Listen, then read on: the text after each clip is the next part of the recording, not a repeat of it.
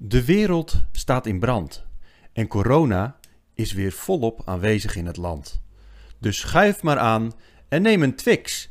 Dan gaan wij het hebben over de Series X. Welkom bij een nieuwe Powerpraat mensen. En eh, jullie ook, Wouter en Florian. Hallo daar. Dankjewel. Wat een prachtige intro. Ik ben helemaal, Geweldig.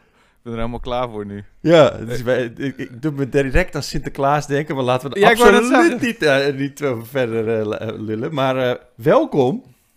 Dankjewel. Ik heb Ja, ja. er zin in. Hoe gaat, het, eh, hoe gaat het met jullie? Prima. Ja, mij ook wel eigenlijk. Eh, eh, ondanks dat de wereld in brand staat. ehm, ja, het betekent weer meer binnen zitten, hè? En eh, het betekent ook dat dates sneller afgelopen zijn, want we moeten al om tien Ja. uur moet je al de, de, het restaurant of de café uit. Voor, verder, het is eigenlijk ook, ook wel een voordeel. Tenzij je een date hebt met vier mensen, eh, kun je die natuurlijk nog gewoon wel thuis uitnodigen. Ja, maar dus de alle cafés en zo moeten om tien uur al dicht. Ja, Oh ja, die kun je thuis uitnodigen. Ja, ik heb, nou, ja, ik heb niet vaak dates met vier mensen. Nee. Maxi- Nee. Maximaal maar drie mensen nu toch thuis? Ja, inderdaad. ja dus eh, je- je kan zeg maar een, een quattro hebben. Ja, precies.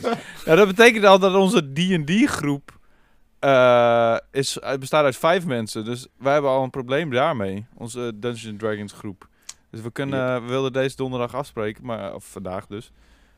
Toch? Deze komt donderdag online. ja, Eh, maar ehm, ja, dat gaat niet. We zijn met één man te veel. ja, dat is wel irritant. Kan je het niet met één minder doen dan? Dat je iemand gewoon even doodmaakt. Zo van, oh, nou, die is dood. Sorry, Nou- nou, doe er niet meer mee. Nou, het is vrij eh, traumatisch als je character doodgaat. Dat kan ik weten, want er zijn al drie van mijn characters eh dood, doodgegaan. Oh, wat? Maar komt het Ja. dan eh, Nou, nou, door- nou, van je eigen fout? nou, nou, eigenlijk twee. Maar eentje is evil geworden. En die is nu eh, een tool van de DM, van de Dungeon Master geworden. Dus die heb Uiteraard. ik zeg maar losgelaten. Zo van, nou, die gaat de wijde wereld in. En als de DM hem gaat gebruiken, dan kan dat. Of wil gebruiken, dan kan Ah. dat. Dus ik heb drie characters kwijtgeraakt. En, en, en drie keer opnieuw eentje moeten maken dus. Eh, en dat is best traumatisch. Het, is, het voelt alsof een, een stukje van je ziel eh, sterft. Oh, Ja, ik zal dat nooit echt ten volle begrijpen, omdat ik D&D nog nooit heb gespeeld. En eh, waarschijnlijk ga ik dat ook niet, eh, niet doen, maar... Waarom niet? Waar houd je tegen? Het is de ultieme vorm van gamen. Het is alineair, het is super immersive, het is, eh, het is een roleplaying is een, een, nieuw, een nieuwe vorm van, ja, eigenlijk theater zelfs. Het is alles bij elkaar in één eh, ontzettend a- awesome pakketje. Ik snap het, maar eh, ja, je moet er echt een, een groep voor hebben en eh, en het moet Ja. wel het liefst een beetje bij elkaar in de buurt zijn. En ja, Ja. om nou in één keer allemaal vrienden te gaan zoeken hier in Haarlem die eh, precies dat hebben, eh, ja, ik weet niet. Nou, ik, tegenwoordig eh, is het, het simpelweg een, een, een bezoekje aan Reddit of zo en je hebt al die mensen bij elkaar. Maar inderdaad, ik snap, het, het is een hele opgave. En dan- Ja, maar goed, dan moet het ook weer net, net passen en, en, en een beetje klikken en dat soort dingen, weet je. Jij hebt gewoon een aantal van jouw vrienden of de mensen, mensen die je al kende, die Ja. heb je samengevoegd in één groep. Dus dat, dat is een ander verhaal natuurlijk, maar... Ik weet niet, het, eh, moeilijkste, het moeilijkste ervan is een goede DM, een goede Dungeon Master vinden. Iemand die echt een soort van eh, goede verteller is. eh, goed geheugen hebben, maar is ook belangrijk. Ehm, snel on your feet kunnen denken. Dat is nog wel het moeilijkste. DM zijn, dat heb ik zelf ook nog nooit gedaan. Dat is echt... Je bent eigenlijk een soort van regisseur. En, eh, en een verteller. Ja, nou, een regisseur is ook een soort van verhalenverteller natuurlijk.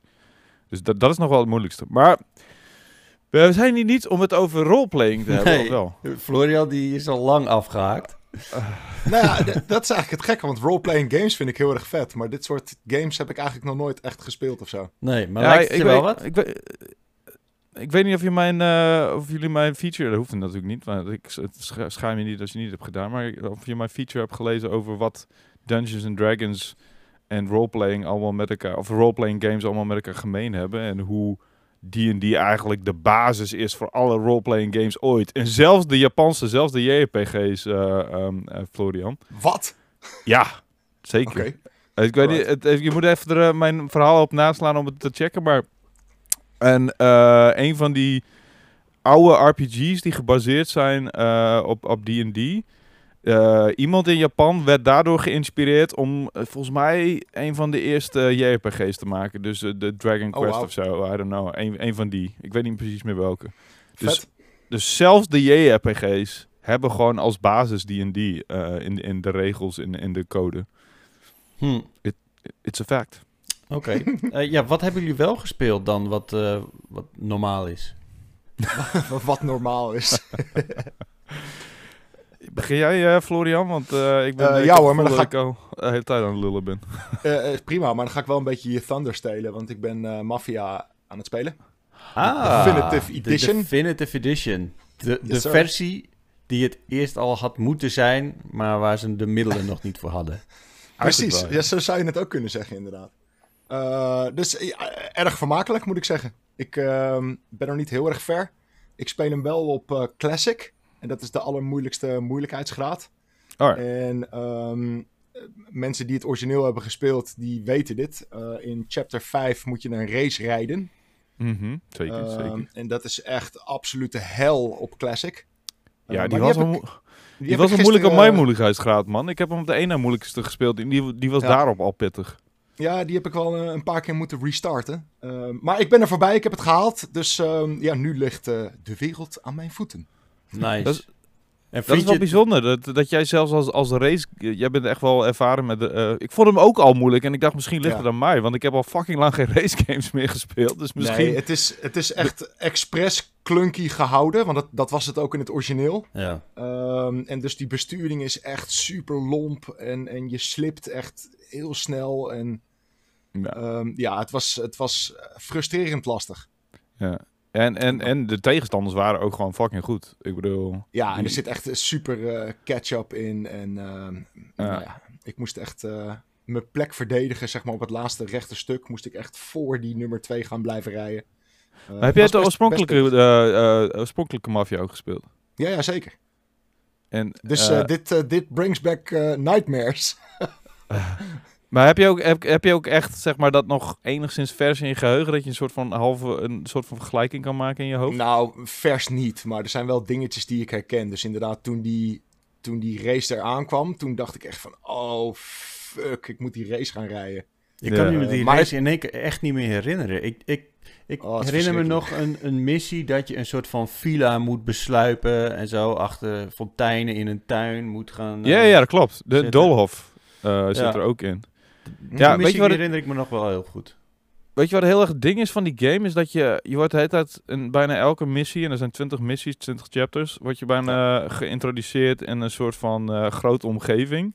En daar loop je dan doorheen en dan word je maak je er kennis mee en dan, en dan loop je, eh, praat je met mensen of je moet stealthy dingen doen. En je weet elke keer eigenlijk dat ja, op een gegeven moment stroomt die omgeving helemaal vol met bad guys en moet je ze allemaal kapot schieten.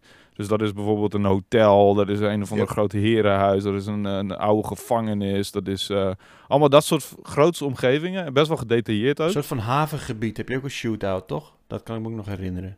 Ja, dat kan wel kloppen, ja. Havengebied? Nee, nee, dat, jij, nee, jij bent in de war met Godfather, man. Ah, oké. Hm. Oh. Godfather was ook...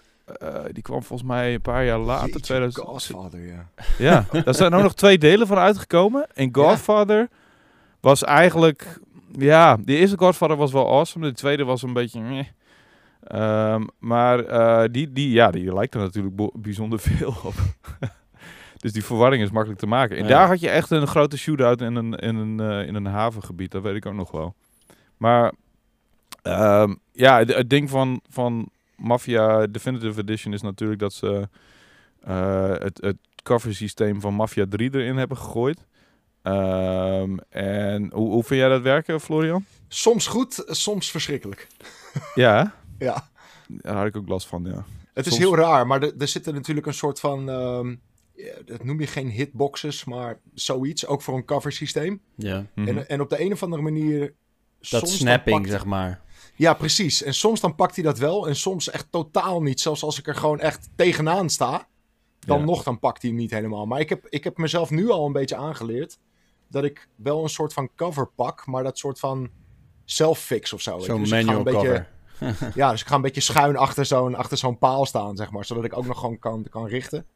Ja. Ehm, maar het is, ja, soms werkt het goed, soms werkt het kut.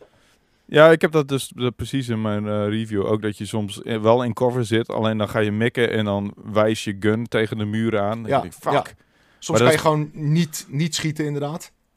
Maar dat is je- precies, daarom merk je heel erg dat ze dat systeem erin hebben geplakt, zeg maar. En dat, het, dat ze Ja. echt alles, weet je, eigenlijk alle mogelijke covergebieden, nou ja, dat zullen ze vast niet met de hand doen, maar dat ze alles bij langs zijn eh, hebben moeten gaan om daar te zorgen dat je daar cover kan nemen. Precies. Ehm, en, dat, en dat merk je af en toe wel. En het is nou niet of Mafia 3 zo'n fantastische game is. Het, het heeft Zeker wel niet. goed.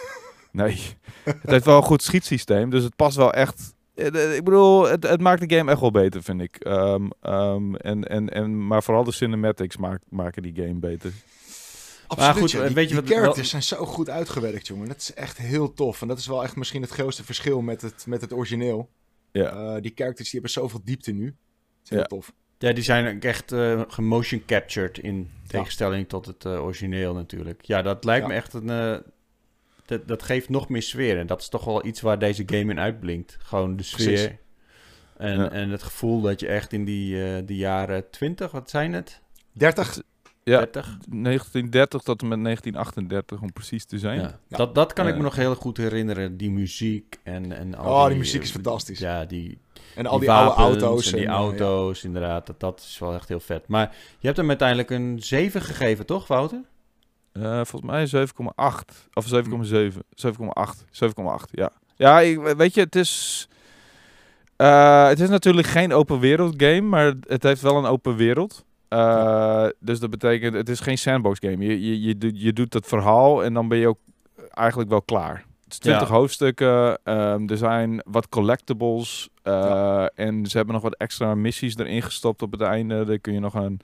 Het begon heel leuk, want op een gegeven moment kreeg ik zeg maar de opdracht kreeg ik een telefoontje en dan moest ik een auto erg, ehm, ergens naartoe brengen en die moest dan helemaal heel blijven. Nou, dat is precies mijn jam. Dat vind ik echt Mm. zo awesome. Ik bedoel, ben ik, dat ben ik altijd aan het doen in, in open wereld games. En GTA ook. Altijd zorgen dat mijn auto heel blijft. Dus ik dacht van yes! Ik ga, weer, ik ga me allemaal auto's eh, daarheen brengen. En toen dacht ik van nou, heb ik, die eerste was gelukt. En toen ging ik weer terug en nog een keer een telefoontje aannemen. En toen moest ik dezelfde auto weer doen. Toen dacht ik, oh, wait a minute. Dus, ehm, dus toen, eh, ja, toen moest ik weer terug naar de basis. En dan lag daar ergens een papiertje om, voor een hint waar ik naartoe moest. En daar kon ik weer een nieuwe missie halen. En dan ging ik daarheen, maar dan was het een hele andere missie. Dus geen auto. Dus toen dacht ik, ja, dit, dit gaat me allemaal een beetje te lang duren. Hier heb ik allemaal geen zin in. En dus toen was ik er, nou, hoe lang duurde het? 20, eh, ja, ik speel hem dus op de ene moeilijkste moeilijkheidsgraad. Dus het zal iets van 20 tot 30 uur zijn geweest of zo, de, Ja. de, de, het verhaal. Ja. Ehm, ja, en daarna ben je ook echt wel gewoon helemaal klaar. Eh, dat is fijn, want dan kan je over naar de volgende game.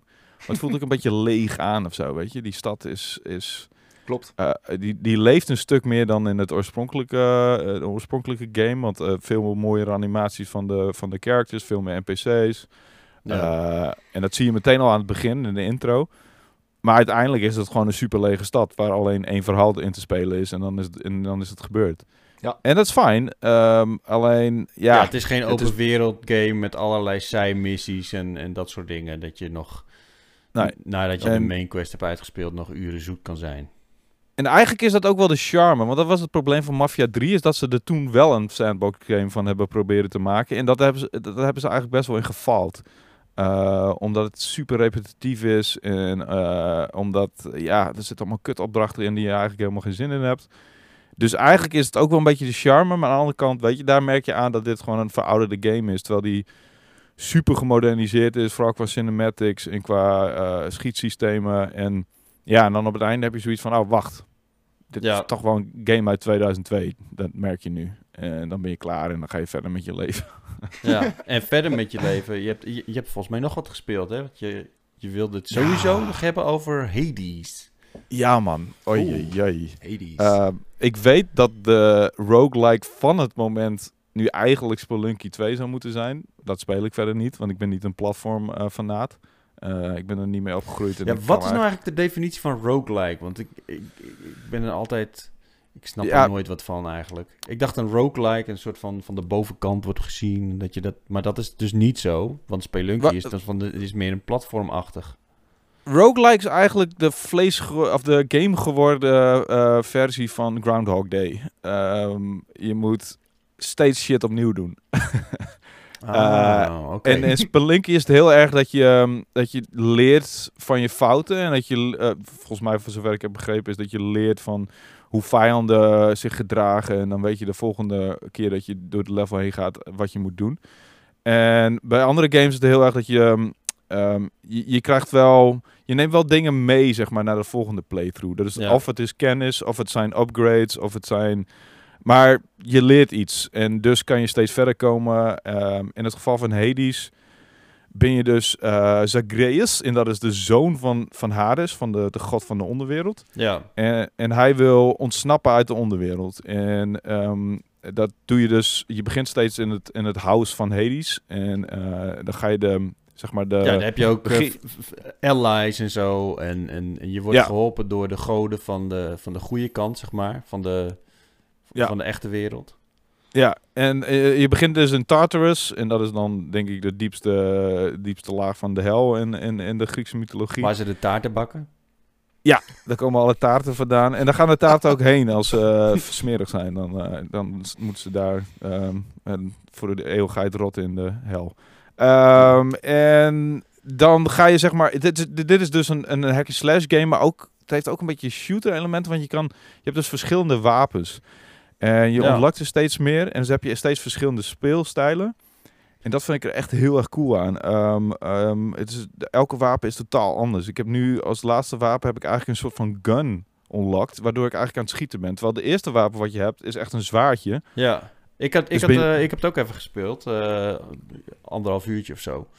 En dan, je begint inderdaad met de wapen. En op een gegeven moment heb je dan... Je moet verschillende currency moet je verzamelen in je playthrough. En dan kan je er weer... eh, met bepaalde sleutels kan je weer andere wapens unlocken. En nu had ik een soort van speer. En dan heb je eigenlijk... Ben je in het begin heel erg bezig geweest met het zwaardje te upgraden. Ja. En vervolgens denk je van... Oh, ik heb nu genoeg sleutels. Ik ga nu even voor deze joekel van een speer. En dan heb je hem. En dan begin je dus eigenlijk weer opnieuw met dat wapen. Dus Ja, het is wel eigenlijk, eigenlijk moet je die game weer opnieuw leren, zeg maar. En, Ja. en eh, die speer inderdaad heeft dan, is zeg maar semi-ranged en, en semi-melee. Dus het is half, ha- je kunt ermee gooien en, en best wel grote afstand, maar ehm, je kunt ook van dichtbij slaan. En dan heb je bijvoorbeeld, ehm, eh, later krijg je een schildje met een, met een soort van, ja eigenlijk is het alleen een schild en daar kun je dus mee blokken en ehm, die is ook heel handig. Eh, en dan op, op een gegeven moment krijg je fists. En die zijn dus van heel erg dichtbij alleen handig. Maar die zijn super snel. En heeft een hele sterke uppercut. En elke wapen heeft op zijn eigen manier is die awesome. En ehm, de werelden waar je doorheen gaat. Het is... Ik bedoel, het is gewoon ik, heel erg stylish. Het ziet er gewoon echt fantastisch uit. De muziek is Ja. cool. Weet je, het is muziek zo- is heel vet, ja. Ja, dus en wat ik- ook heel erg cool is, is hoe ze het verhaal vertellen. Want je gaat dus, je spreekt dus de hele tijd met die goden en met je pa, Hades. En, en elke keer als je doodgaat, hebben ze eigenlijk wat meer te vertellen. En, en, en eh, unlockt het verhaal zich verder. En, en die characters zijn echt, die hebben goede opbouw. En het is hele toffe voice acting. Ehm, Er zit humor in. gedaan. Er zit heel veel humor in, inderdaad. En eh, je ontmoet al die goden uit de Griekse mytho- mythologie, van Athena tot en met ehm, Hades en Ja. eh, Ares. En, en die hebben allemaal hun eigen persoonlijkheid en die geven je allemaal boons. En die boons die moeten jou ook helpen door, door die wereld heen. En ehm, ik had de eerste keer wel Bruine van... boons of eh, groene boons? Ehm, Wat is Nou- een boon, man? ja, dat is een goede vraag. Boon is eigenlijk een, een, een soort van zegen die je krijgt van de goden, waardoor je een upgrade krijgt. Dus bijvoorbeeld je, je, mm, eh, je aanvallen worden sterker. Of je krijgt een, een dash en dan laat je een soort van eh, rood spul achter waar, mensen door of waar je vijanden door beschadigd worden. Of Ja. eh, er zijn heel veel hele specifieke dingen die de, die, die de speelstijl echt gigantisch veranderen. Ehm, in sommige gevallen wat minder, maar dan, die keuze mag je zelf maken, zeg maar.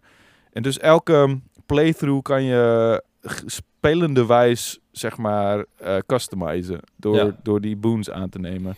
En je kan ook, zeg maar, invloed op uitoefenen welke goden je tegenkomt. En eh, welke boons je het liefst hebt. En ah, jezus man, die game is echt heel vet. Ik Ja. word er echt super blij van. Ben jij een en beetje roguelike-achtig, eh, Floor? Ehm, pff, geen idee eigenlijk. Ehm, maar ik heb, ik heb wel eventjes gekeken natuurlijk, want er is een behoorlijke hype rond, eh, rond Hades. Ja. Dus ik heb, ik heb wel eventjes gekeken op YouTube what the fuzz is about. Uh, maar ik heb hem zelf nog niet gespeeld. Maar hij staat zeker wel op mijn lijstje. Want dat lijkt me wel heel erg cool. Maar ik heb hem nog niet gespeeld. ja. Hij, is, uh, hij is op de PC en op de Switch speelbaar. Ja. En op Steam kost hij volgens mij 25 euro. Dus uh, het is niet echt een gigantische... En het is, uh, hij was in Early Access, toch? Ik, ik heb niet helemaal door wat nou precies daar ding van was. Maar volgens mij is die in Early Access in december 2018 uitgekomen. Oh, echt? Oh, wauw. Ja, dus het was al even, even speelbaar. Maar ja, eh, ik heb, ik heb hem dus op de Switch, dus ik, ik, ik, weet, ik weet niet hoe dat met de Steam-versie zit.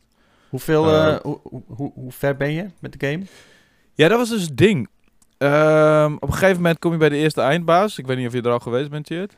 Ja, eh, de, de, een Valkyrie met een gebroken vleugel. Eh, ja, nee, het is, een, eh, het is niet een Valkyrie. Het is een... anyway, maakt niet uit. Ehm, en op dat punt denk je van... Oh, ja, is een eindbaas. Oké, nou, en dan, dan ga je verder omhoog in die map. En dan denk je... Oh, de volgende keer ga ik vast dan op dat tweede gedeelte beginnen. Maar dat is natuurlijk niet waar, want het is een roguelike. Dus je moet weer helemaal van het begin af aan Dus je moet beginnen. die eindbaas gewoon continu weer verslaan. Zei- Ja, je moet dus elke keer weer die eindbaas verslaan. Eh, gelukkig zit daar wel een soort van variatie in en veranderen er wel dingen. Ik zal niks verklappen, maar... eh, nou, ik heb dus twee keer tegen, tegen haar gespeeld. En, en, en ze deed de tweede keer compleet andere dingen. Ik denk echt van, what the fuck? Ja, dat is dus het ding. Ehm, dus ik heb een tijdje... eh, ik, ik had die eerste eindbaas vrij snel. En daarna was, het echt, was ik echt aan het prutsen. En toen kwam ik echt een paar keer zelf niet voorbij die eerste eindbaas. Toen dacht ik van, jezus Wouter, kom on. Ehm, en toen, in één keer ging het weer vet snel, want toen kreeg ik een nieuw wapen en daar was ik, ging ik vet hard mee. En toen ging ik naar de tweede eindbaas en kwam ik zelfs ver voorbij de tweede eindbaas. En dacht ik van, yeah baby, dit gaat lekker. En, ehm, en daar ben ik nu ongeveer. En ik ben net bij de derde eindbaas geweest. En dat Hm. zijn twee dudes tegelijk. En het was een chaos en het was insane. En ik werd helemaal... En Sowieso dan heb is je dus een beetje al chaos, hè, deze game. Ja, sowieso, sowieso. en dan heb je dus al iets van, nou, wat zal het zijn? Een half uur vet intens achter elkaar gespeeld. Omdat je vanaf het begin af aan Ja. elke keer weer moet beginnen. Ja. Dus je spelsessies worden steeds langer. Hoewel je aan het begin wel steeds harder doorheen gaat, omdat je steeds sterker wordt. Dus dan zit je daar zo van, wow, oké, ik moet er echt halen, want ik moet, ik moet dit is derde En dan, ja, door de pressure cave je dan, of tenminste ik. En dus heb ik de derde eindbaas ben ik net gisteravond ehm dood gegaan. Echt, terwijl die, ze allebei nog zo'n klein stukje helft hadden. Dus toen ben ik even gaan huilen. En nu ben ik wel weer even klaar met die game. Ja, nee, snap ik, snap ik. Er, zit, er zitten wel gewoon save points in die game, toch? Of moet je het sowieso iedere keer helemaal opnieuw? Nou ja, hij onthoudt allemaal dingen, weet je. De progressie die je maakt met de, de, de, de um, goden. Je kunt echt vrienden maken met die goden en je praat er heel veel mee. Dus eh, je relatie daarmee gaat steeds beter worden. Dat onthoudt hij allemaal. Eh, je kan allemaal permanente upgrades kun je kopen en dat onthoudt hij allemaal. Ja, maar Dus- je hebt geen save points als in je progressie in, het daadwerkelijke, in de daadwerkelijke wereld. Nee, Alright. maar de, die wereld verandert de hele tijd, weet je. De, eh, die kamers, die...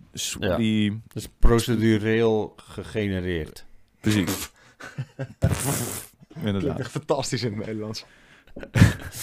Ehm, gaan we, laten we even verder gaan. Ehm, en, en dan eh, is het volgende onderwerp de comment van de week van Dennis Huls deze keer. Die zegt: Graag luister en zie ik die niet opgenomen powerpraat. Oh, Oh, ja. binnenkort Hoe zit het daarmee inderdaad? Ja, nou Ja. goed, dat, ik dacht, laat ik dat maar even de comment van de week maken. Dan kunnen, kunnen we er automatisch even over kletsen. Ja, lekker bruggetje. Ehm, het ding was, ik dacht, oh fuck, ja, nou, weet je wat? Ik ga hem gewoon even fixen, weet je? En Ja. toen, eh, toen kwam ik er dus achter, wat een fucking chaos dat was. Dus Oh. ehm, het, het op zich, ik had het zo in een, in een project gezet en... ehm, en ik, Florian was, ja, het geluid was kut. Eh, dat was gewoon vervelend. En, en bij mij was het natuurlijk alles perfect. Maar Uiteraard. ik- Ja, ja. toen kwam ik bij het Wouterstuk en toen dacht ik echt van, hè? Hij is helemaal niet sync. Dus ik, ik zou echt fucking veel moeite doen om hem sync te trekken. En ik zet hem in het systeem en ik, ik begin weer en ik denk van, hè? Hij is weer niet sync. Dus hij is dus dan sync op een bepaald punt met jouw Oh. beeld. En, maar op een ander punt is hij dan niet meer sync. Dus ik dacht even van, holy shit, ja, dit ga ik dus niet meer redden eh, voordat, eh voordat Powerpraat online komt. Dus ik, ik zit even... Ik zit even na te denken over hoe ik dat het beste kan doen. Of ik gewoon eh, Wouter helemaal pleiten. maar gewoon, echt gewoon meteen geluid en al. Maar, kun je, maar kun, je, kun je niet gewoon alleen een podcast van maken? Dat, dat je het beeld gewoon weghaalt. Dat je hem alleen op de, op de podcast, podcast channels gooit. Ehm, ja, eh, dat zou kunnen. Maar het zou natuurlijk ook een beetje zonde zijn als ze, als ze ons helemaal niet zouden kunnen horen. Ik zou het wel sowieso een, een, eh, een podcast kunnen maken. En dan gewoon Ja. geen beeld. Dan maak je het zelf toch Of alleen. Florian en mij. Dat is ook geen punt. Ja, ook leuk. ik, weet, ja, ik weet niet of dat... Ik, volgens mij wordt dat nog moeilijker om er voor, mij ertussen uit te knippen voor je. Maar goed. Nee, nee, nee. Gewoon niet, niet jouw eh, geluid. Ja, wel jouw geluid. Maar eh, jouw beeld. Oh, zo. Even, oh, mijn beeld niet. dan. Oh ja.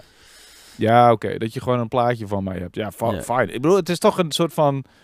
eh, hoe noem je dat? Een di- director's... cut, Een soort van geheime... Ja, het is, eh, dit is een geheime Director's aflevering. cut. ja, precies. En, en, eh, en, en, en deleted scene, zeg Er zit maar. ook nog allemaal oude shit in. Waarvan wij. We hebben het volgens mij over de Xbox. Met allemaal oude informatie. En met PlayStation. Voor die showcase. We waren. Ja, klopt. Dus eh, het, het is sowieso wel even ge- geinig. Om te Ja. luisteren, denk ik. Maar eh, ja, heel veel nieuwe informatie zal je er niet uithalen, denk ik. Maar Nou ja. wel bijzonder wel een leuk. Misschien Ja. lukt het mij om het eh, online te knallen. En dan zie je het eh, in de beschrijving van deze Powerpraat. Maar ik garandeer niks, want het, eh, het is natuurlijk wel eh, nog steeds pokkenwerk. Maar ehm, ik ga er wel mijn best doen, want er zagen heel veel mensen, zoals Dennis Huls, die eh, toch wel geïnteresseerd waren in, in, in een verborgen episode. Ja, nice. Oké, laten we het verder gaan hebben over eh, de Xbox, Xbox Series X. Eh, Martin die heeft eh, deze week heeft hij een dummy op kunnen halen van de Xbox Series X. Er is eh, volgens mij verder niemand in Nederland die daadwerkelijk het apparaat kan testen. Maar dat wil niet zeggen dat er in de verdere wereld geen mensen zijn die een Xbox Series X hebben kunnen testen. Want die zijn er wel degelijk. Ehm, en een van de belangrijkste ehm, merken wat dat betreft is Digi- Digital Foundry. Het zijn echt wel gasten waar je echt heel veel aan hebt, zeg maar. Ik ben al Ja. Heel erg geïnteresseerd wat zij eh, nu weer hebben bedacht. Ehm, maar die hebben dus de, de Series X even onder de loep eh, genomen, Florian. Ja. En eh, een van de belangrijkste dingen was dat de backwards compatibility gewoon enorm goed lijkt te zijn van die games. Ja man, het is, het is een beetje een gek situatie. Omdat inderdaad Microsoft die heeft Xbox Series X consoles verstuurd naar, naar grote partijen in Amerika. En Digital Foundry zit dan toevallig in de UK, maar het is vooral in Amerika. Ehm, maar het ding is, is dat ehm, het is een soort van eh, pre-production model. Ja, Dus het is, het is wel gewoon ehm, de hardware die wij straks in de winkel kunnen halen. Maar het is gewoon een vroege versie, zo moet je het zien. Oh. En Microsoft die heeft, en dat wordt niet echt gecommuniceerd, maar Microsoft die kan een soort van die console in stages eh, openzetten voor tests. En ze hebben nu letterlijk nog maar alleen die backward compatibility opengezet. Dus er is nog geen Xbox Series X software die getest kan worden. Ehm, maar inderdaad, het backwards compatible verhaal op die Xbox Series X, daar mag je toch wel eventjes heel erg vrolijk van worden, hè? Ehm, Want wat is het ding? Ze hebben, uiteindelijk hebben ze een aantal games hebben ze, getest. Die, eh, die hebben ze ook op de One X getest. En nu dus ook op de Series X. En die Ja. hebben ze eigenlijk naast elkaar gelegd. En eh, eigenlijk Ja. vooral vergeleken eh, qua framerate. Als ik het goed Ja. heb, toch? Ja, precies. Want er, er zijn eigenlijk twee soorten backwards compatibility bij Xbox. Je hebt zeg maar de Xbox One S en Xbox Series S backwards compatibility. En Xbox One X en Xbox Series X backwards compatibility. En het verschil daarin is inderdaad framerate en resoluties. En zij hebben nu dus echt die Xbox One X tegenover die Xbox Series X gezet. En Xbox One X die, die doet het natuurlijk eigenlijk echt al fantastisch met die backwards compatibility. Ehm, je kan games in 4K eh, kan je spelen. Sommige games kan je in 60 frames per seconde spelen. Eh, en sommige games die hebben een unlocked frame rate bijvoorbeeld. Eh, Ja. En vooral daar zie je dat als je die games draait op Xbox Series X, die echt, echt weer een stuk krachtiger is dan die One X, dat die games ook gewoon meeschalen. Eh, dus er zijn games die bijvoorbeeld heel erg moeite hebben om die 60 frames aan te tikken, zelfs op Xbox One X. Eh, en op Series X, ja, tikt hij die heel makkelijk aan. Ja, het, het Ehm, sterker nog, bijna bij elke game die, die we hebben kunnen zien in de, de 4K performance mode op de One X, die Ja. doet het bijna dubbel zo goed op de Series X. Ja. Dus eh, Ja, dat waar je is- bijvoorbeeld dat is- eh, eh, beelden zag van Hitman, ja, die zit zeg Ja. maar rond de 30. Ja. Eh, af en toe tikt hij de 40 aan, is die gewoon stabiel op de Series X eh, op 60 frames. Precies, en in native 4K. Dan speel je die game gewoon in 4K, 60 frames per seconde. Ja, super vet joh, dat het kan gewoon nu. Ja, Dat is, dat, is- dat is zeker nice. Zeker. en, ja, de ehm, performance verdubbelt dus bijna. Maar Waar ligt het dan aan? Is dat dan de GPU? Is dat dan de processor? Nee, het is, het is een combinatie vooral van de processor en van de SSD natuurlijk. Want die SSD die kan supersnel die assets inladen. En dat, dat scheelt ook een hoop. Uh, maar het is vooral de processor die inderdaad die frame rates uh, kan verdubbelen. En Microsoft heeft zelfs gezegd dat. Um, kijk, wat, wat, al die, wat Digital Foundry nu checkt, is een soort van vroege versie van uh, de backwards compatibility ook op Xbox Series X. Ja. Um, en Microsoft die heeft bijvoorbeeld ook al laten weten dat zelfs games die geen unlocked frame rate hebben, dus die gewoon al draaien op 60 frames, dat ze die dus kunnen verdubbelen op Series X naar 120 frames. Of 30 fuck? frames voor de 60 frames. En dat gebeurt allemaal in een soort van. Um, in, het, in het systeem van Xbox zelf. Wat? Dus die developers wacht, die hoeven even. daar ook Dat niks is een soort doen. van frame, frame rate upscaling hebben. Ja, man. Wordt gewoon verdubbeld. Maar Zelfs hoe dan? dat ze de, de resolutie verdubbelen, kunnen ze die frame rates verdubbelen. En, en in sommige games werkt dat niet zo goed, omdat engines die moeten daar mee kunnen omgaan.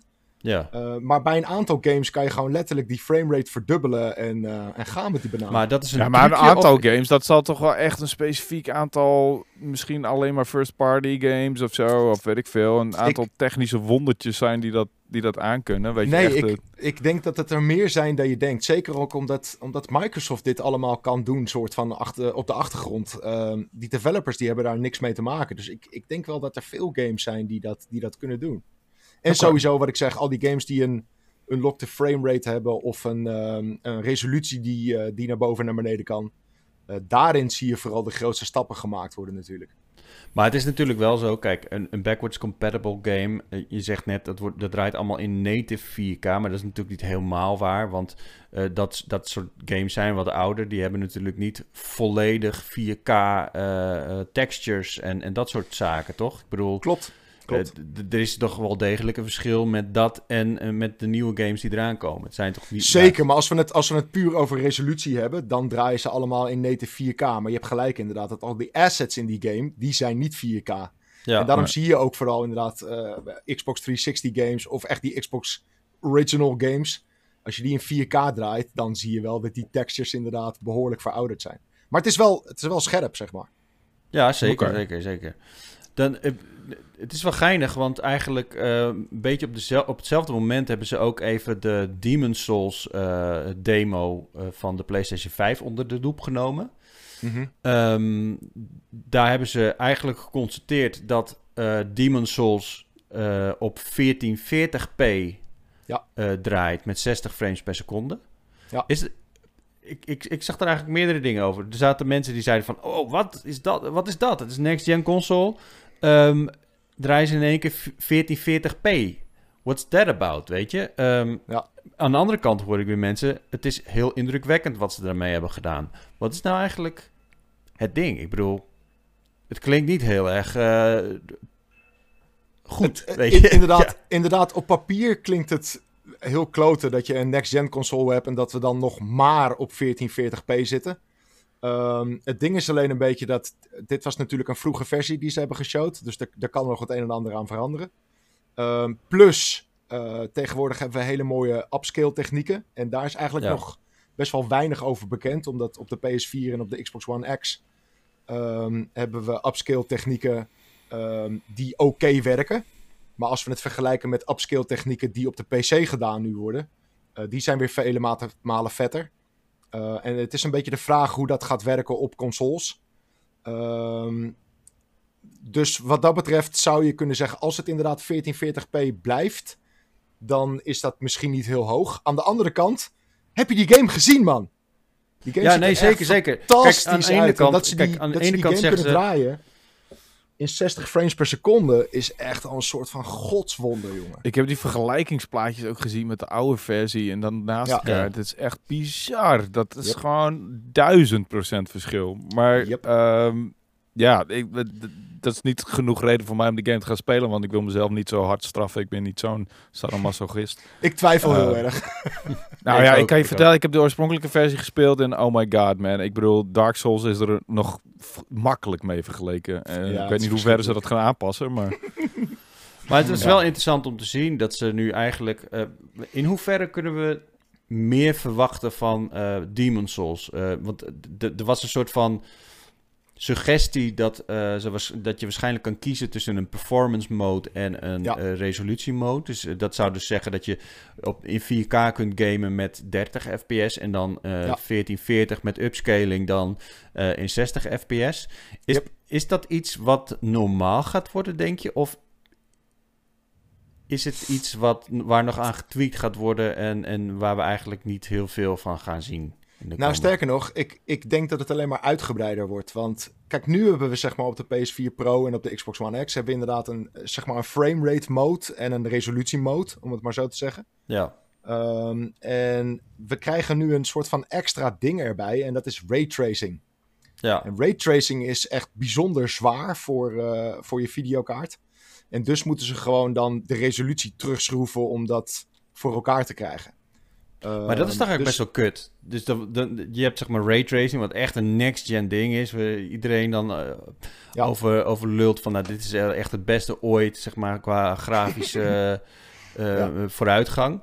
En dan moet je vervolgens gaan kiezen of je dat wil, omdat anders de trade-off is dat je met een soort van, ja, eh, framerate inkak Ja, dat klinkt, eh, dat klinkt inderdaad hebt. niet oké, nee, het man. is, het, het is dus niet ehm, in de plaats voor framerate, maar het is vaak in de plaats voor resolutie. Omdat resolutie wordt het meeste gedaan door je videokaart ook. En je Ja. videokaart heeft het ook het zwaarst met raytracing. Dus daarin ligt inderdaad de overweging van ga je voor die native 4K zonder raytracing...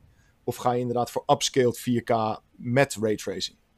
Ja, maar wat betekent het dan voor de Xbox Series X bijvoorbeeld? Of de Xbox Series S? Want dat is al eigenlijk een minder krachtige eh, GPU. Ja. Dus dan... Nou, het, het, het Dan is heel simpel. X- Xbox Series S die krijgt gewoon de resolutiemode niet. Nee, die gebruikt dat automatisch al op de lage versie. Precies.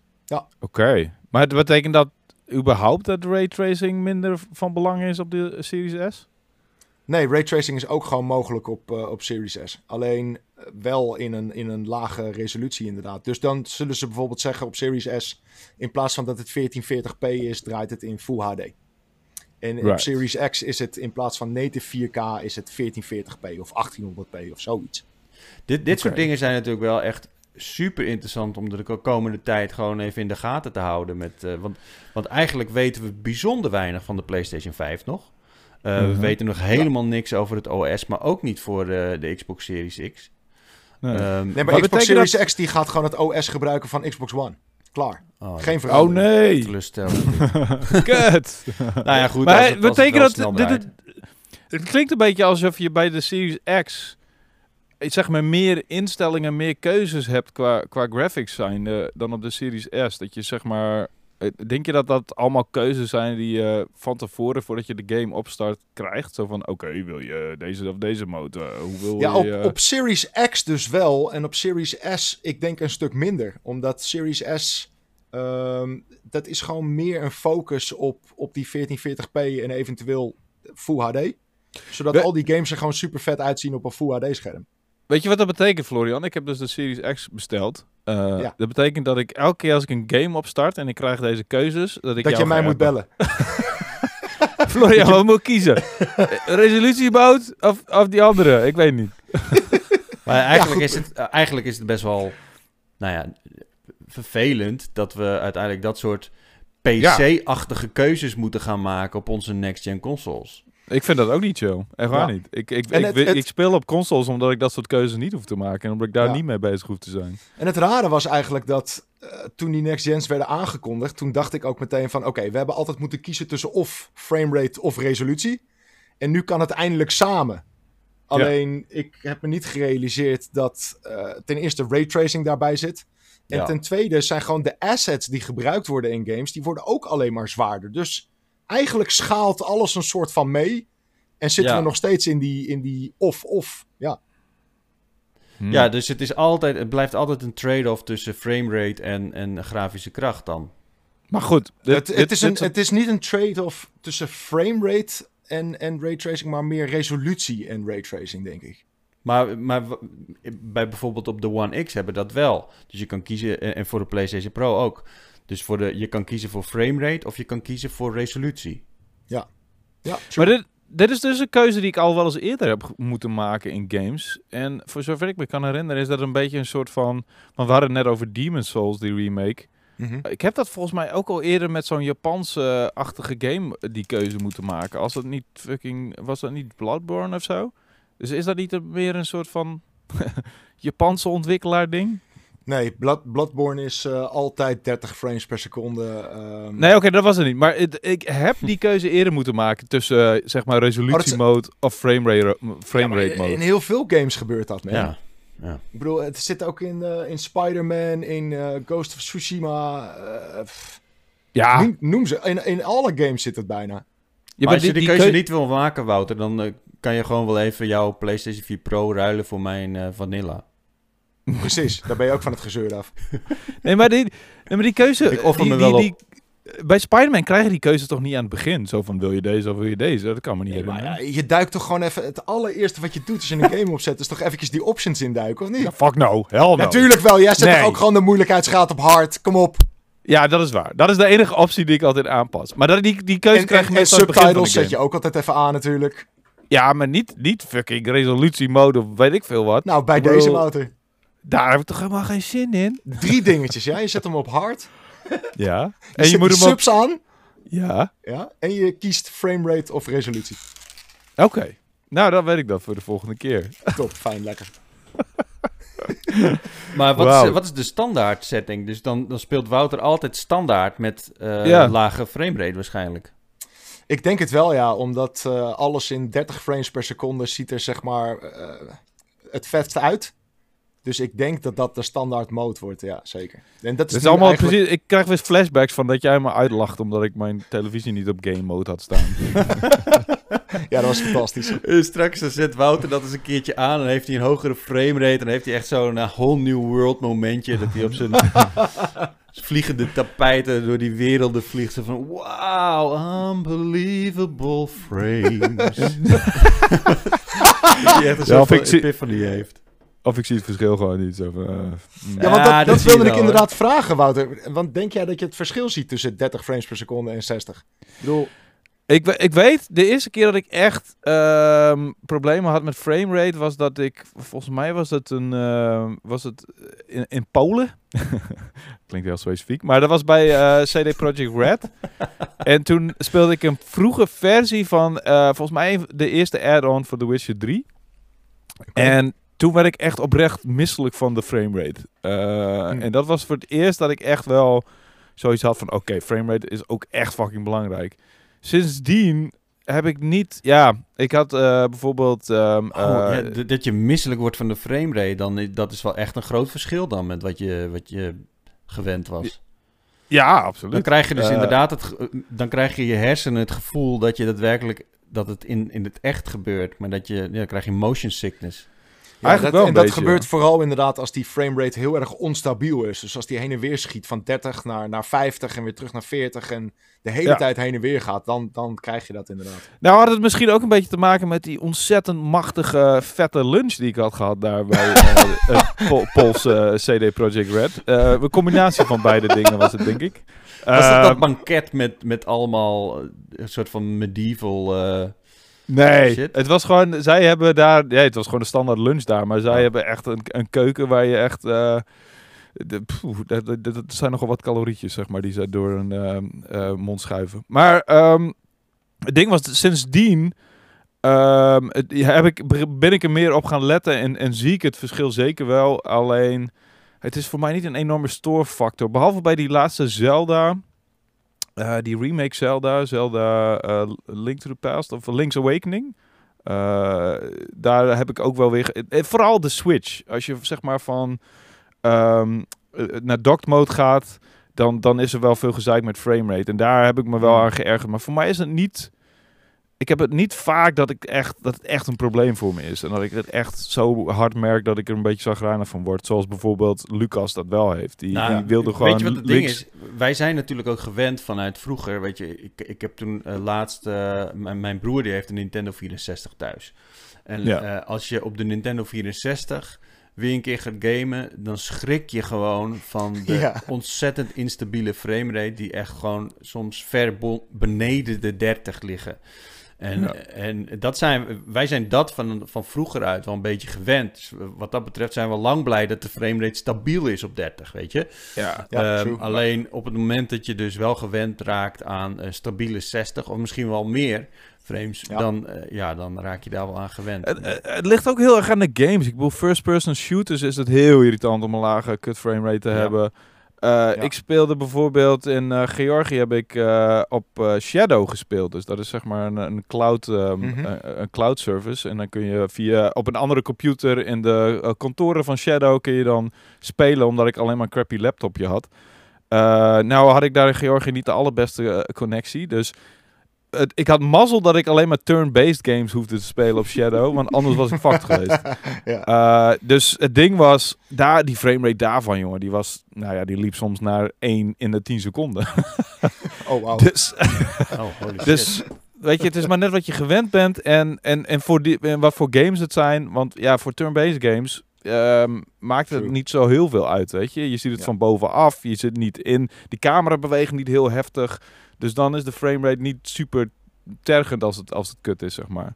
Eh, ja, maar, zeker nee, met bijvoorbeeld Demon's Souls of zo. Ik zou het niet op 30 Ja. frames willen spelen als, als ik Nee. 60 frames kan spelen. Precies. Dat wil je wel echt op 60 spelen. En ik merk Ja. ook dat in race games is het ook belangrijk. Ehm, Ja. Want het, het, het gaat toch een beetje schokkend of zo. En Maar het het is wel het, het- je merkt het het meest als je zeg maar in een first-person shooter met je camera zo pant, zeg maar. Dat, Ja. is, Ja, eh, ja. dat is killing. Als dat, dan de framerate slecht is, dan heb je echt zoiets van dat je naar die aan het kijken bent. En dan, dan merk ik het ook, weet je. Ehm, maar dat is, Maar het is, echt- het, is, het is heel erg een, een ding, wat jullie ook zeggen, van wat je maar gewend bent, zeg maar. Ja. Eh, maar het is wel een beetje een, een ding van, als je dat eenmaal hebt gemerkt, ja, daar kom je. ehm, af en toe vind ik het een soort van eventjes weer eh, even doorbijten of zo. Als ik weer een 30 frames per seconde game moet spelen. Terwijl Ja. ik daarvoor lekker 60 frames of, of nog hoger op de PC heb gespeeld. Ja. Het is Trouwens- wel altijd eventjes een, een stapje terug of zo.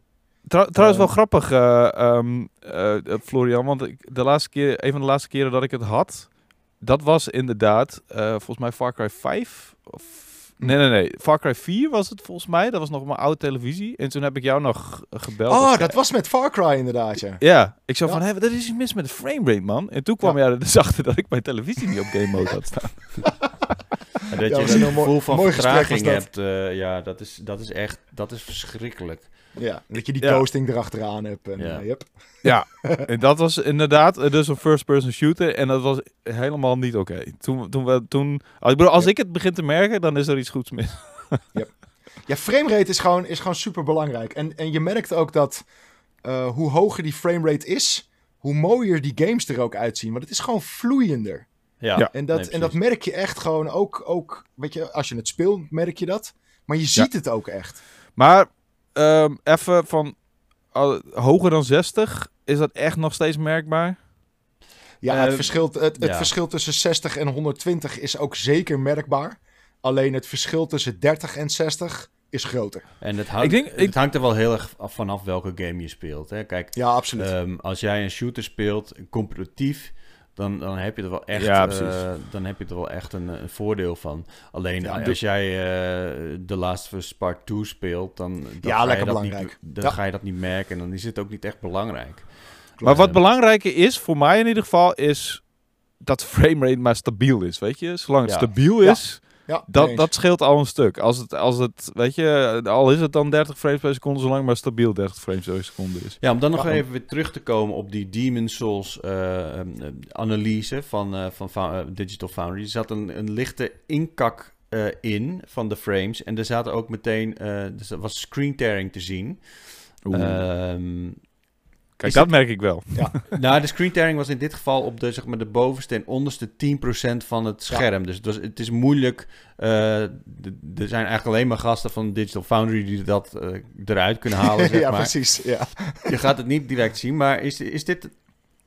Schrik je daarvan, Florian, als je dat ziet? Is dat Nee, man, misschien nee, dit zijn- of is het iets eh, wat wel mee? Nee, dit zijn, dit zijn technische dingetjes die, eh, die op het laatst nog worden opgelost. Dus dat soort framerate dips en inderdaad en tearing, eh, dat zijn eh, dingetjes die worden meegepakt tijdens het polijsten van die game. En dat is nou juist precies wat ze doen in de, in de laatste weken voor release. Ja. Ehm, dus nee, ik maak me nog niet zo'n zorgen. Hey, jongens, wacht even. Ik eh, krijg een nieuw bureaustoel eh, van, eh, van de redactie. Ik ga hem even ophalen, ja? Wat live gewoon nu? Ja, nee, eh, Enno staat beneden. Oh, de bel oké. gaat. Moment. Nou, Nee. haal op dat ding. What the fuck? Eh, ja, dat is een eh, interessante, eh, zeg maar, intermezzo. Precies, ja. En, Anyway. eh, en nu we wachten op, eh, op Cheert. Hoe zit Ja. het met je pre-orders, eh, Wouter? Ja, Want- oh, dat want is een dat is allemaal vraag. een beetje drama. Laten we het daar even over hebben. Ja, ik had dus de PlayStation 5 eh, gemist voor Bol. Ehm, toen heb ik een poging gedaan om eh, bij Weekamp te bestellen. Ja, heb je daar het laatste nieuws over gehoord? Ja, zeker. Die hebben Oeh, me dat gewoon gemaild van... Ja, die pre-order van je, die, eh, die komt niet hoor. Oeh, Eh, is die echt gecanceld bij jou? Officially een mail gekregen. En di- ding is, PlayStation 5 zit ik op zich wel goed. Want Jacco die heeft er dus twee gepre-orderd. Ehm, oh, oké. Dus eentje daarvan kan ik overnemen. Dus Dat mocht nice. ik er niet eentje... En die komt volgens mij een week later dan de release. Nou ja, dat is nog te doen, I guess. Dus mocht ik er niet eentje in de winkels vinden op de dag van release... En die kans bestaat natuurlijk. Ja. ehm, dan heb ik nog in ieder geval zijn pre-order die ik kan overnemen. Dus op zich zit ik wel goed. En de Xbox Maar heeft, heeft X... hij twee keer de disc-versie besteld dan? Ja. Waarom? Ah, I don't know. Hij vertrouwde Bol niet of zo. Ehm, Oké, fair enough. Ja, dat was Oké. volgens mij het ding. Ja, prima. Maar ehm, eh, ja, en, en die, die Xbox Series X had ik gewoon 9 uur 's ochtends op die dinsdag, volgens mij was dat. Ja. Eh, en net zoals jij, volgens mij. Jazeker. Dus jij hebt, ze- jij hebt ze wel allebei, hè? Ik eh, zal het je nog sterker vertellen. Ik heb pre-order staan voor eh, alle vier. En ik ben heel rustig aan het nadenken of ik ze alle vier door laat gaan. Eh. Maar ik, ik laat sowieso natuurlijk PS5 met disc en Xbox Series X doorgaan. Maar ik heb daarnaast ook nog de Digital Edition en de Series S gepreorderd. Ehm, en ik weet nog niet of ik die hou. Maar lekker is- luxe probleem. Is echt... de- mm, hoeveel is dat? Dat is eh 1800 euro aan ja, veel te veel geld houden op. Ik wil het er niet over hebben. Dat is wel crazy. Maar Ja, ehm, ik bedoel, weet je, er bestaat nog.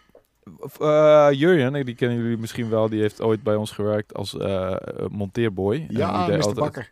Mr. Bakker, die deed altijd ehm ehm de Joe Pas monteren, wat hij fantastisch deed. Ja. Eh, die heeft dus tot nu toe altijd nog gewoon zijn consoles in de winkel gekocht. Ook de PS4, ook de Xbox. Ehm, de Switch dan niet. Die was dan wel echt qua, die was echt wel moeilijk verkrijgbaar. Mhm.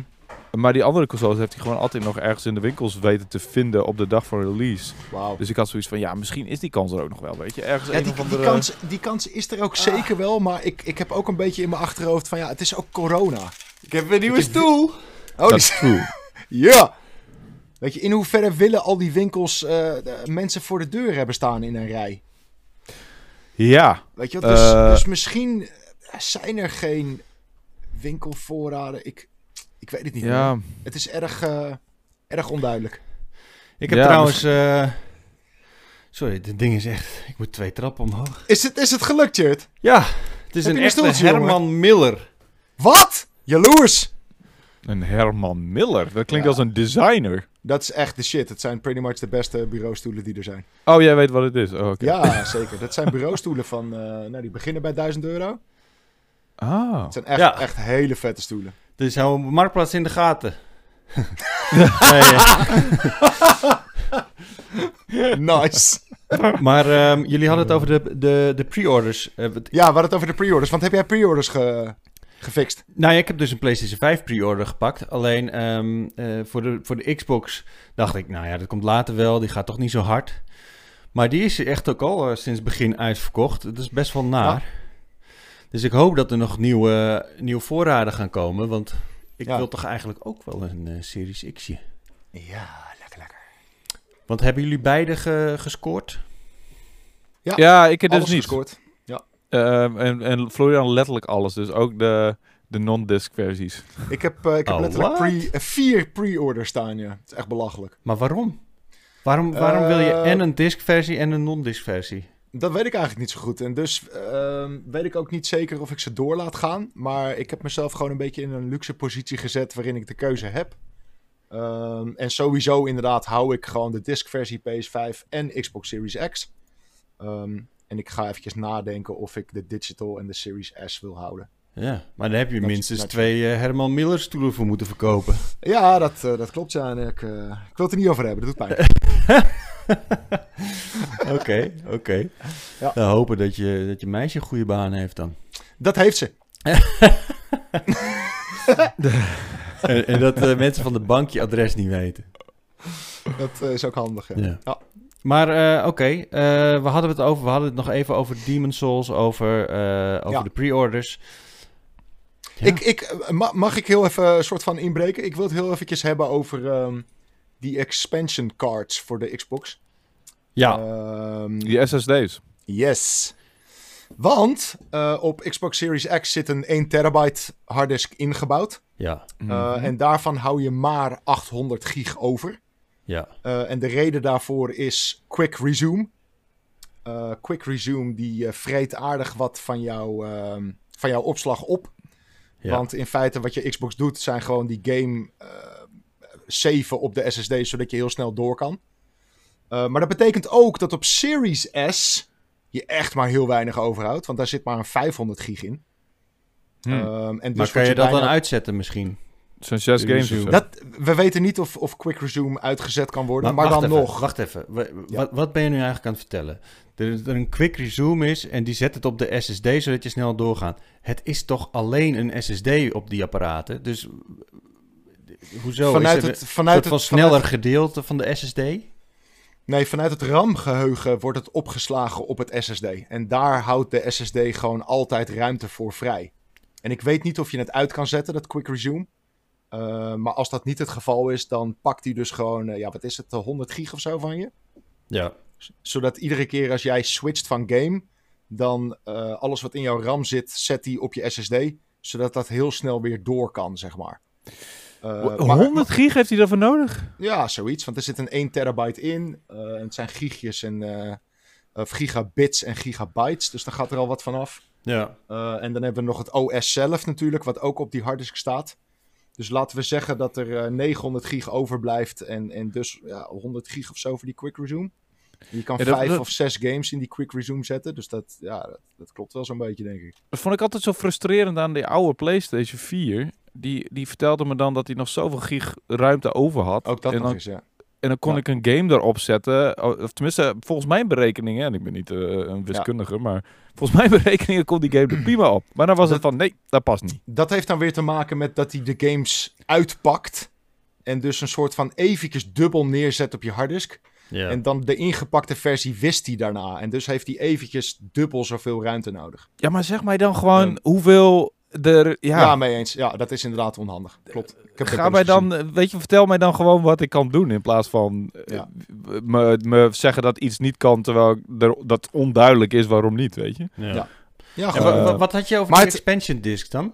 Of, Precies, eh, het-? Ja, Het ding is een beetje dat ehm, als je al die games intern wil eh, hebben op die harddisk, dan zal je wel moeten gaan uitbreiden. Ehm, want 1 terabyte is heel weinig en 500 gig is helemaal heel weinig. ja. Eh, maar ik schrok wel een beetje van die prijzen, moet ik zeggen. Want in Nederland gaan ze 250 euro kosten. Die 1 terabyte cards. Ja. Ja, daar had eh, Eh, Martin het al over hoe duur die dingen waren inderdaad. Want je hebt er wel zo'n hele eh, chill, chill, eh, zo'n heel chill slotje voor achterin. Ja. Waar, je, waar je gewoon in kan schuiven. Wat ik al Ja. best wel fijn vind. Zo van, nou, dat, weet je, dan hoef je geen gekke eh, dingen doet met eh, kabels of zo. Mhm. Ehm, maar eh, hij zei ook al dat ze fucking duur waren. Want uh, Ja. gisteren, ehm, of nou maandag, ehm, we hadden we, ehm, Lucas en ik een stream. En toen kwam ehm, ehm, Martin even langs met zijn dummy. Oh ja. En dan ging het even eh, hebben over eh, hoeveel eh, potten appelstroop bovenop elkaar zo'n eh, Xbox Series X is. Het ding is best wel groot. Het is Zeker. echt wel eh, twee keer een eh, Xbox Series X. Ehm, en het is ook gewoon echt een blok. Het, ik vind het qua design een beetje minimaal. Ja. Eh, het, het design ziet er cool uit als die, als die rechtop staat of zo. Als die plat ligt, Ja. ziet hij er helemaal een beetje gek uit. Maar dat is eigenlijk met de PlayStation 5 ook. ja, maar maar ik moet hem dus wel moet mooi hem dus lampje gaan af. neerleggen. Mooi groen. Ja. Ja, groen mooi lampje. Maar dat is dan een- zo'n beetje Het is enige geen design. lampje, was het maar een lampje. Dat vind ik echt heel stom dat het geen ledjes zijn. Wat? Is dat groen Nee, en geen, geen ledje? Nee man, Nee. Het, is gewoon, eh, het is gewoon geschilderd. Het slaat nergens op. Ah, wat jammer. Ja, vind ik ook ik echt dacht, heel ja, ja, dus- zo mooi, zo'n groene gloed, weet je. Dat is de eerste mod eh, die ik ga uitvoeren. Ledjes erin knallen. Ja, maar dat is toch vet, weet je. De, de PlayStation heeft wel zo'n blauw ledje. Dus ja, even qua design vind ik het niet zo'n heel bijzonder eh, apparaat, om eerlijk te zijn. Ik vind, ik vind de Xbox Series X mooier dan de PlayStation 5. Nee. Nee, ik ook zeker niet. Nee, Nee. Nee, absoluut niet. Absoluut niet. Dat, er zit veel meer design toch in? In die PlayStation 5. Ik bedoel, hebben ze gewoon- veel meer keuzes meer. Ah, je hebt design en je hebt lelijk design. Oké, fair enough. dat, dat is allemaal in de je- eye of the beholder. Zeker. en in dit geval is de beholder mij. Ik. Jij bent. Oké, Ben maar ja, ik de whatever. beholder. Yes. En ik behold dat het lelijk is. Maar Oké, dan is het waar. Ja, ja, true. Dan, dan is het gewoon zo. Het is Ja. your truth. Nee, jullie zeggen toch ook dat, dat jullie de, de PlayStation 5 mooier vinden? Nou, Ja, ja, ja, jullie absoluut. goed Ik, eh, ja, we hebben allemaal rechten. En plichten en, en meningen en anussen. maar eh Oké. waar hadden we het over? Maar goed, 250 euro dus voor Ja. een 1 terabyte. Valt me eigenlijk nog Eh, mee. Nee man, doe toch eens normaal jongen. Dat is echt wel veel. Weet, Weet je als je het- straks gaat betalen voor een, voor een nieuwe voor de PlayStation? Want die moet Ja, nog echt, veel eh, meer. Veel meer, want die, die Ja. moeten echt aan bepaalde snelheden voldoen. Die Ja. ja, alleen maar echt de aller top tier. eh, Mijn punt is een beetje dat eh, dit is samengemaakt met Seagate. En Seagate die wil winst maken op die dingen. En dus bij PlayStation koop je gewoon een willekeurige SSD, om het maar zo te zeggen, als die aan alle eisen voldoet natuurlijk. Maar ja. er zit niet nog een bedrijf tussen die, die een paar tientjes daarop pakt. Als je kijkt naar eh, de SSD die in die Xbox zit, die kan je een 1 terabyte kan je gewoon fixen voor eh, 180 euro. Dus nu betaal ik er 70 euro bovenop, omdat het van Seagate is. ja. En dat is. Poeh. En zeker als je die Series S haalt. Vergis je niet, die 500 gig is echt. Het, is, het zijn een paar games en het is gewoon vol. Oké. Hm. Maar Dus dan. la- laten we, oké, laten we, dat is natuurlijk veel en dat is best wel aanzienlijk. Maar tegelijkertijd is de vraag, wat gaan die downloadsnelheden worden? Want op het Ja, moment, precies. Dat vraag ik me dus ook af. Want als je de hele tijd games eraf kan slopen en je eh, gooit ze zo weer binnen een paar minuten er terug Ja, maar dat, dan is dat niet moet je probleem. via een externe harddisk doen, niet via een download dan. Ja oké, maar dat is dan de volgende, de, de volgende optie, weet je. Je kan natuurlijk kiezen om gewoon een externe harde schijf, maar gewoon echt een oldschool harde schijf van 3 terabyte of 4 terabyte die je voor een prikje kan kopen, erop aan te sluiten. Maar de Ja. vraag is, is dat niet langzamer dan dat je hem gewoon gaat downloaden? Want uiteindelijk Ja, moeten die downloadsnelheden Nee. gewoon omhoog.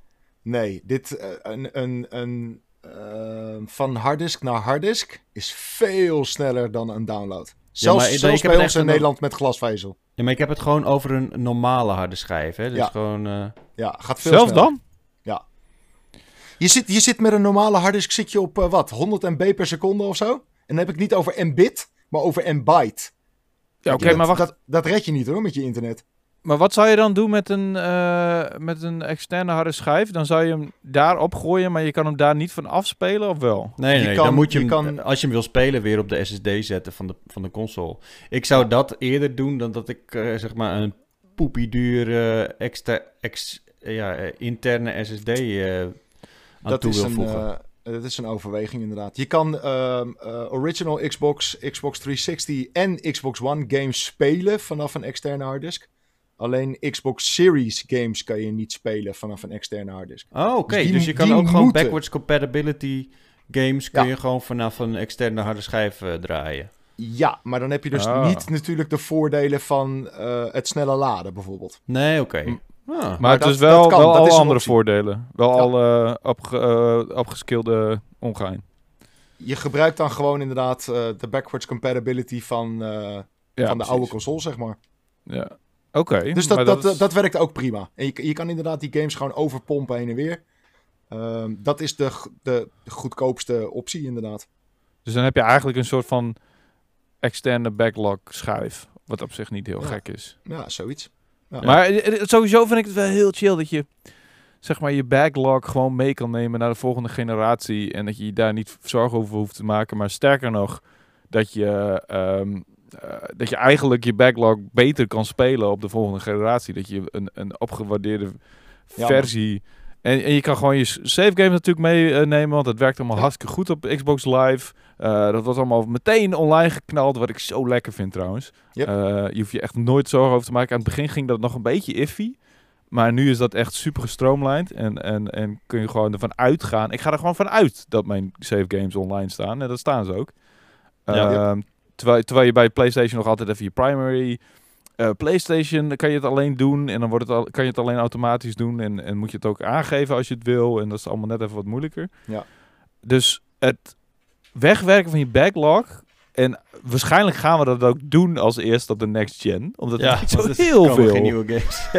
Nee. ja, goed punt.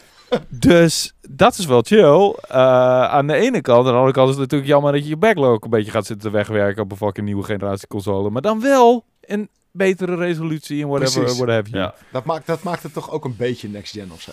Toch een beetje bittersweet, moet ik Ja. zeggen. Al met al, jongens, ehm, Xbox Series X he- heeft zeker goede beurten gemaakt de afgelopen weken. Bethesda, baby. Jeez. Bethesda. Eh, ja, de, vorige week heeft Martin eh, met eh, zijn, eh, zijn gang al gehad over, eh ja, over het Bethesda-deal. Mhm. Nog ik zes heb- weekjes, jongens. Ja, het, het duurt echt niet lang meer. Wat verwachten jullie? Is, is, eh, is Microsoft bezig met een comeback of gaat het met zo'n vaart niet lopen? Eh, oh, oh, laten we. de- dit is een mooie kans om het te hebben over jouw artikel en de puur. Oeh, tum tum. ja, zeker. Dat is wel grappig. Florian, ik zou, ik zou even een introductie doen. Florian heeft dus een, eh, een, een, een, een leuk eh, feature geschreven. Eh, Het was een tof idee. eh, iets over Phil Spencer is een, is een dwaas. Eh, jullie veel of minder Spencer? Sorry, Meer Spencer. on. I don't get it. Veel, veel Spencer, minder, veel minder. Laat me gaan, later. Me I, gaan. I get it. I don't want to get it. Eh, dit- hij had een leuk verhaal over... Ja, Phil Spencer is een prutser. Hij weet niet waar hij mee bezig is. Bla, bla, bla. Toen, vla- vlak daarna, nadat hij dit artikel had ingeleverd... was het nieuws dat eh, Microsoft Bethesda had overgekocht. En toen werd zijn artikel net even wat eh Minder relevant, ja. Ja. Eh, ja, maar de pu was al naar de drukker. Dus ja, daar kunnen we niet zoveel meer aan veranderen. Het is wat het is. Oh, Ja, nou, nu is het de- je kans om het recht te zetten, Floor. Wat, wat, Ja. wat denk Nou, jij? Weet je, Wouter die vroeg dat inderdaad van, voel je je nu heel erg kloten door dat artikel, aangezien Microsoft dat heeft aangekondigd. Maar ik, dat zei ik ook al tegen Wouter, van in de basis sta ik nog steeds achter mijn verhaal. Ehm, want ik vind het gewoon raar dat er geen exclusives zijn. Weet je, klaar. En, en dat is nou echt al jaren zo. Dat was ook op de Xbox One zo. Die hele generatie is een beetje soort van geflopt. Want waar de fuck waren de exclusives? Dus Microsoft die heeft daar super lang over na kunnen denken. Phil Spencer die heeft daar super lang over na kunnen denken. We horen al jarenlang van ja jongens, het komt goed. En we hebben studio's gekocht. En Ja, elk jaar true. horen we het weer. En nu komt er een nieuwe console uit. En wat kunnen we spelen? Niks. Nee. En, het, Ja, maar en natuurlijk, weet je, ze hebben Bethesda gekocht. toch? Ja, PlayStation heb je wel een paar vette exclusives. Bij Ja, launch. maar ook niet meteen bij launch. Maar goed, eh, Hoezo? bij, Demon's Souls is een exclusive, die kan je spelen op launch. Ja, eh, en, en Ra- Ratchet Clank Rift Apart is nog steeds onduidelijk wanneer die uitkomt, toch? Dat wordt een Nee. launch window. Dus die, die Ja. komt eh, op zijn laatst eind februari. Ja. Ehm, en eh Miles Morales hebben we natuurlijk. Nou is die niet exclusive voor PS5, maar wel voor PlayStation. Er zijn gewoon geen exclusives voor die Xbox. En dat vind ik zoiets weirds. Ehm, en, en inderdaad, dat ze Bethesda nu gekocht hebben. Super vet, echt. Echt super vet. Ik sta te juichen. Ehm, maar dat zijn weer dingen waarop ik denk van ja, oké, dan ga je Game Pass volknallen met oude Bethesda games. Weet je, waar zijn die exclusives? Waar ik een Xbox voor koop. Die zijn er gewoon niet. En dat vind ik echt bullshit. Maar, dus no- maar nog je steeds. hoeft toch geen exclusives te hebben als je gewoon echt een enorm goede eh, dienst hebt met, eh, met Game Pass Ultimate. Hoezo? Het zijn oude games. Ja, maar Om- niet alleen, die- alle om- nieuwe games komen er ook op. Je kunt, Precies. eh, Dus maar- welke dan? Nou, bijvoorbeeld, je kunt eh, FIFA spelen straks. Eh, Is eh, geen eh, exclusive. Dat is geen, is dat is geen, dat is Nee, geen het is geen argument. exclusive, maar het is, Dat is wel, geen het is wel een supergoeie deal. Je kunt Nou voor en? 12 euro per maand of eh 13, ik weet niet precies wat het is, kun jij gewoon echt een shitload aan games kun je gaan spelen. het, het, het lijkt gewoon een beetje alsof Microsoft zich heeft ehm vereenzelvigd.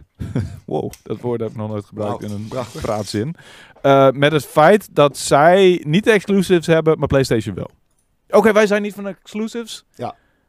Dus doen we wat anders. Goede Ja. dienst. Ja. Allemaal cloud en alle, dat is allemaal goed in elkaar. Maar die Zeker. exclusive, ja, die hebben we nou helemaal niet. En dat is een beetje gek dat ze zich daarbij neerleggen. Ja, dat is zo'n dat is zo'n bullshit. En het is natuurlijk helemaal kut dat, dat Halo ehm, niet de game is nu waar we op hopen. Eh, en Mhm. dat scheelt natuurlijk ook een hoop dat Microsoft nu dan dus helemaal niks heeft. Want ze hebben Halo ook niet. Ehm, maar ook zelfs alleen met Halo. What the fuck, jongen? Ik, ik begrijp het gewoon niet. Elk jaar zitten we op die E3. En elk jaar zegt die Phil Spencer van... eh, We gaan dit doen en we gaan dat doen en we hebben dit gekocht. En waar de fuck zijn die games dan? Mhm. Weet je, Ja, en dan, en dan gaan ze ook zeggen van... aangekondigd.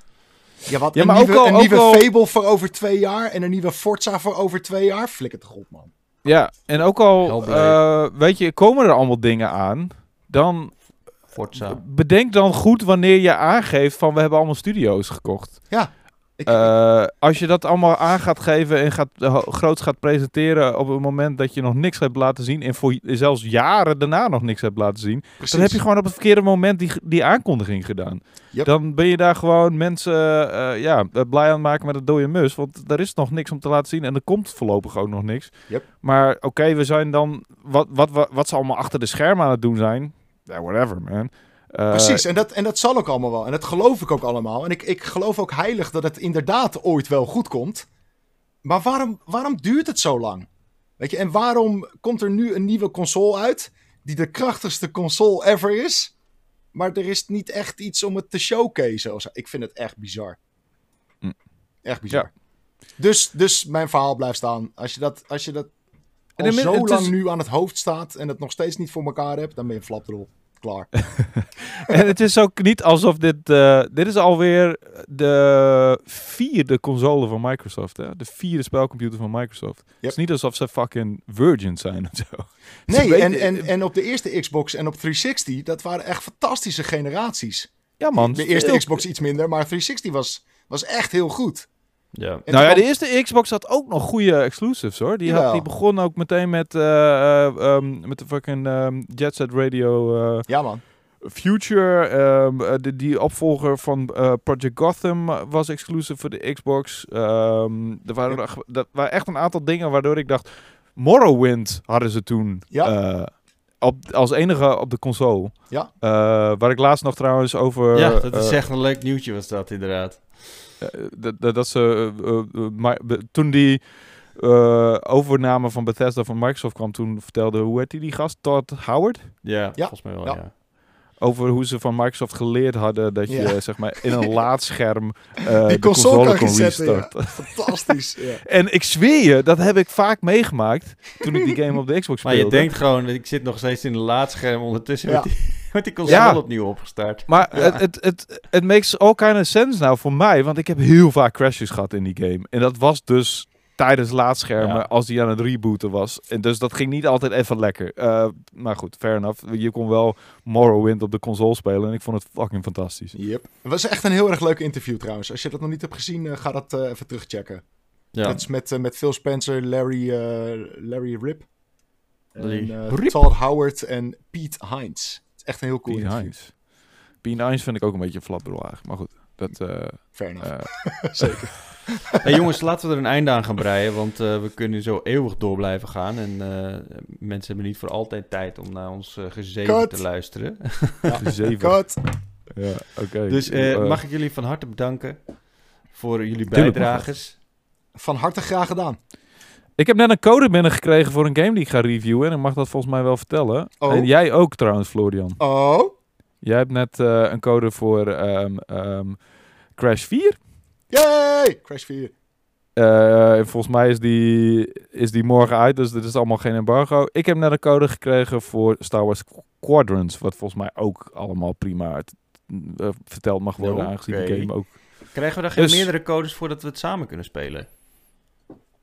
De, dat Echt zo? eigenlijk... Ja, nee, ik heb, morgen, meer codes. ik heb morgen een eventje dat ik dat, zeg maar, multiplayer kan spelen. Oh, oké.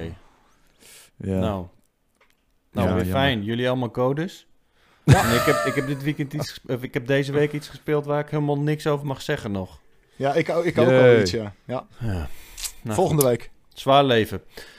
Nou, heren, bedankt eh, voor het bijdragen aan deze Powerpraat. En eh, jullie ook bedankt voor het kijken, voor het luisteren en voor alles eh, wat jullie met deze Powerpraat hebben gedaan. Ehm, wil je ons nog even een likeje geven als je dit een leuke Powerpraat vond? En even abonneren op ons kanaal.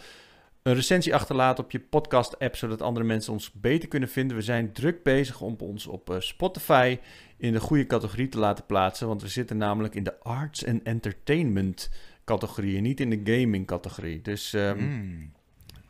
Nou. mochten mensen niet doorhebben dat we dat zitten... We zitten daar, maar als je dit luistert, dan heb je daar ook weer niet zoveel aan. We zijn er nog mee bezig. Ja? Een goed verhaal weer dit.